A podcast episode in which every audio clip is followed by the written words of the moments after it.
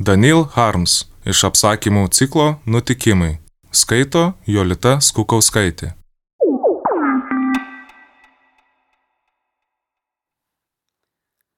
Keturi pavyzdžiai, kaip nauja idėja apstulbina jos priimti nepasiruošusi žmogų. Pirma. Rašytojas. Aš rašytojas. Skaitytojas. O mano galva tu šūdas. Rašytojas keletą minučių stovi sukrėsta šios naujos idėjos ir griūva negyvas.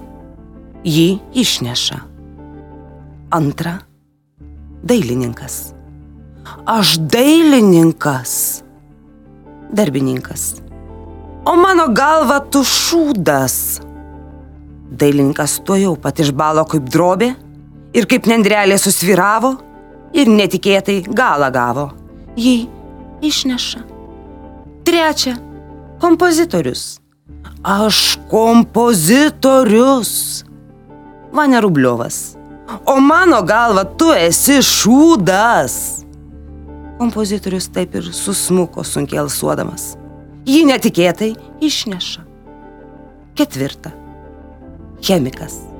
Aš chemikas. Fizikas. O mano galva tu šūdas.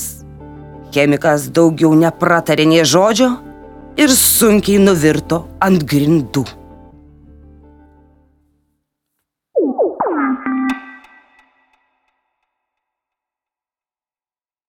Paskaita. Puškovas tarė. Moteris tai meilės taklės. Ir tai jau pat gavo į snukį. Už ką? paklausė Puškovas bet nesulaukęs atsakymo į savo klausimą kalbėjo toliau. Aš taip manau, prie moters reikia derintis iš apačios, nes moteris tai mėgsta ir tik apsimeta, kad nemėgsta. Puškovui vėl trinktelėjo į snukį. Kasgi čia dabar draugai? Tuomet aš ir nekalbėsiu, pasakė Puškovas. Bet ketvirtį minutės palaukęs tarė. Moteris sukurta taip, kad ji visa minkšta ir drėgna. Puškovui vėl trinktelėjo snukį. Puškovas pamėgino apsimesti, kad to nepastebėjo ir tarė, jeigu moterį pauostytum, bet čia Puškovui taip stipriai voštelėjo snukį, kad jis stvėrėsi skruosto ir pasakė, draugai, tokiomis sąlygomis visiškai neįmanoma skaityti paskaitos. Jeigu tai pasikartos, aš tylėsiu. Puškovas palaukė ketvirtį minutės ir prabilo. Kur mes sustojame? Ak taip, tai štai. Moteris mėgsta žiūrėti į save. Jis sėdasi prieš veidrodį visiškai nuoga. Po šito žodžio Puškovas vėl gavo į snukį. Nuoga, pakartojo Puškovas. Pokšt, užvėlėjo jam į snukį. Nuoga, šūktelėjo Puškovas pokšt, gavo jis į snukį. Nuoga, moteris nuoga, nuoga boba šaukė Puškovas. Pokšt, pokšt, pokšt, gavo Puškovas į snukį. Nuoga boba su asočiu rankose šaukė Puškovas. Pokšt, pokšt, pilėsi ant Puškovo smūgiai. Bobos uodega, šaukė Puškovas, išsisukinėdamas nuo smūgių. Nuoga vienuolė. Bet tuo metu trenkė taip stipriai, kad jis neteko sąmonės ir kaip pakirstas nuvirto ant žemės.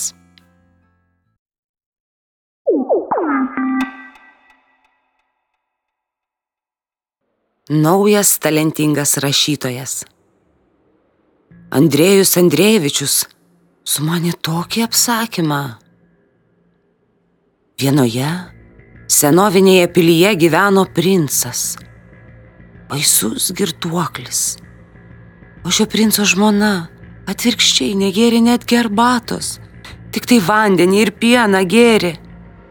O jos vyras gėrė degtinę ir vyną, o pieno negėrė. Bet ir jo žmona, tiesą sakant, taip pat degtinę gėrė, bet slaptai. O vyras buvo begėdis ir nesislėpė. Pieno negeriu, o degtinę geriu sakydavo jis visada. O žmona patiliukais iš paprijuostės išsitraukdavo buteliuką, mukt, vadinasi, išgerdavo. Vyras jos, princas, sako, tu ir man galėtum duot. O žmona, princesė, sako, ne, pačiai mažai. Hm. Ach tu, sako princas, ledė. Žmona visą marmuzę susidaužė, guli ant grindų, verkė. O princas į mantiją įsisupo ir išėjo į savo bokštą. Ten jo narveliai stovėjo. Jis mato vištas augino. Taigi atėjo princas į bokštą, o ten vištos triukšmauja, lesalo reikalauja. Viena višta netgi žvengt pradėjo. Na tu, sako į princas, tipena, tylė, kol į dantis negavai. Višta žodžių nesupranta ir toliau žvengia. Taigi tokie dalykai.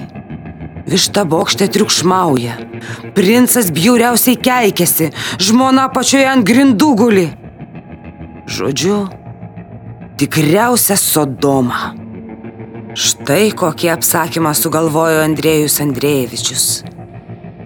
Jau iš šio apsakymo galima suprasti, kad Andrėjus Andrėjevičius - didis talentas. Andrėjus Andrėjevičius - labai protingas žmogus. Labai protingas. Ir labai geras.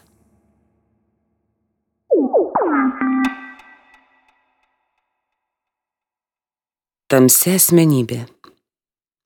Senka trinktelėjo Fetką į snukį ir pasislėpė po komodą. Fetka žarstekliu iškrapštė Senką iš po komodos ir nuplėšė jam dešiniausi. Senka ištrūko Fetką iš rankų ir su nuplėšta ausimi rankose tiesiai pas kaimynus. Bet Fetka pasivijo Senką ir rėžė jam su cukrinė per galvą. Senka nugriuvo ir atrodo numirė. Tuomet Fetka susikrovė daiktus į lagaminą ir išvažiavo į Vladivostoką. Vladivostoke Fetka tapo siuvėju. Tiesą sakant, jis tapo ne šiaip savo siuvėju. Nesiuvo jis moteriškus baltinius. Daugiausia kelnaitės ir liemenėlės. Ponas nesigėdėjo Fetkas. Tiesiog jam matant pakeldavo savo sukneles ir Fetka jas pamatuodavo. Fetka, kaip sakoma, prisižiūrėjo vaizdų.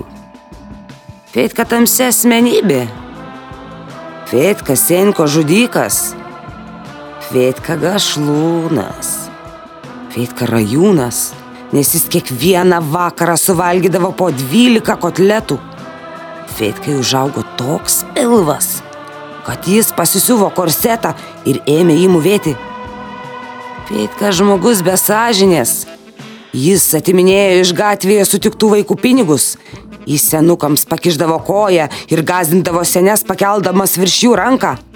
O kai išgazdinta senė puldavo į šalį, Fitka apsimesdavo, kad pakėlė ranką tik tam, kad pasikasytų pakaušį. Baigėsi taip, kad prie Fetkos priejo Nikolajus, trinktelėjo jam į snukį ir pasislėpė po spinta. Feitka iškrapštė Nikolajų iš po spintos su žarstekliu ir perplėšė jam burną. Nikolajus perplėšta burna bėgte pas kaimynus, bet Feitka pasivijo jį ir trenkė alaus bokalu. Nikolajus pargriuvo ir numirė. O Feitka susikrovė daiktus ir išvažiavo iš Vladivostoko.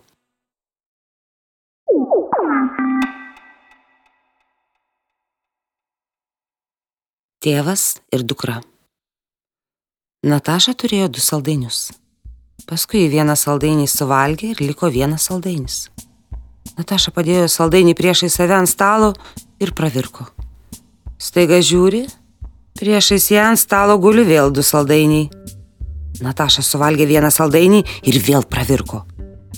Nataša verkė, bet viena akimi į stalą žiūri, ar neatsiras antras saldainis. Bet antras saldainis neatsirado.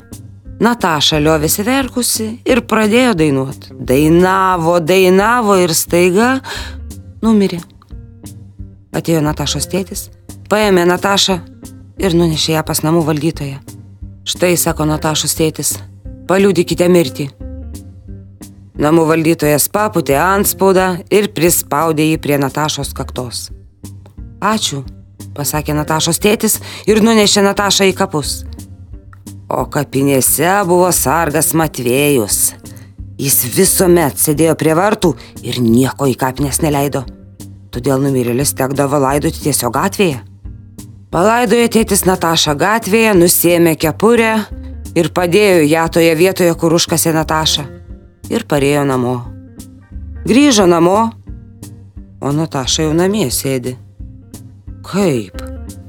Ogi labai paprastai. Išlindo iš po žemės ir namo parbėgo. Tai bent dalykėlis. Tėtis taip sutriko, kad griuvo ir numirė. Pakvietė Natašą namų valdytoją ir sako, paliūdikite mirtį. Namų valdytojas paputė antspaudą ir prispaudė jį prie popieriaus lapelio, o ant to lapelio užrašė šiuomi pažymimą, kad toks ir toks tikrai numirė. Paėmė Natašą popierėlį ir nunešė į kapinės laidoti. O sargas Matvėjus sako Natašai, nie už ką neleisiu. Nataša sako, aš tik popierėlį norėčiau palaidoti.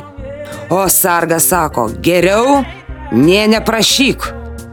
Užkasė Nataša papirėlį gatvėje. Padėjo toje vietoje, kur užkasė papirėlį savo koinaitės ir nuėjo namo. Grįžo namo. Tėtis jau namie sėdi ir pats su savimi biliardėlį metaliniais rutuliukai žaidžia. Nataša nustebo, bet nieko nepasakė ir nuėjo į savo kambarį aukti. Augo, augo ir per ketvirtį metų tapo saugusią panelę. O Natašos tėtis suseno ir susirėtė. Bet kai tik prisimins abu, kaip jie vienas kitą numirėliais palaikė, tai nuvirsta ant sofos ir juokiasi. Kartais net 20 minučių juokiasi. O kaimynai, kai tik išgirsta juoką, tuoj pat apsirengia ir į kinematografą išeina. O kartą išėjo ir daugiau jau nebegrįžo. Atrodo, po automobiliu pateko.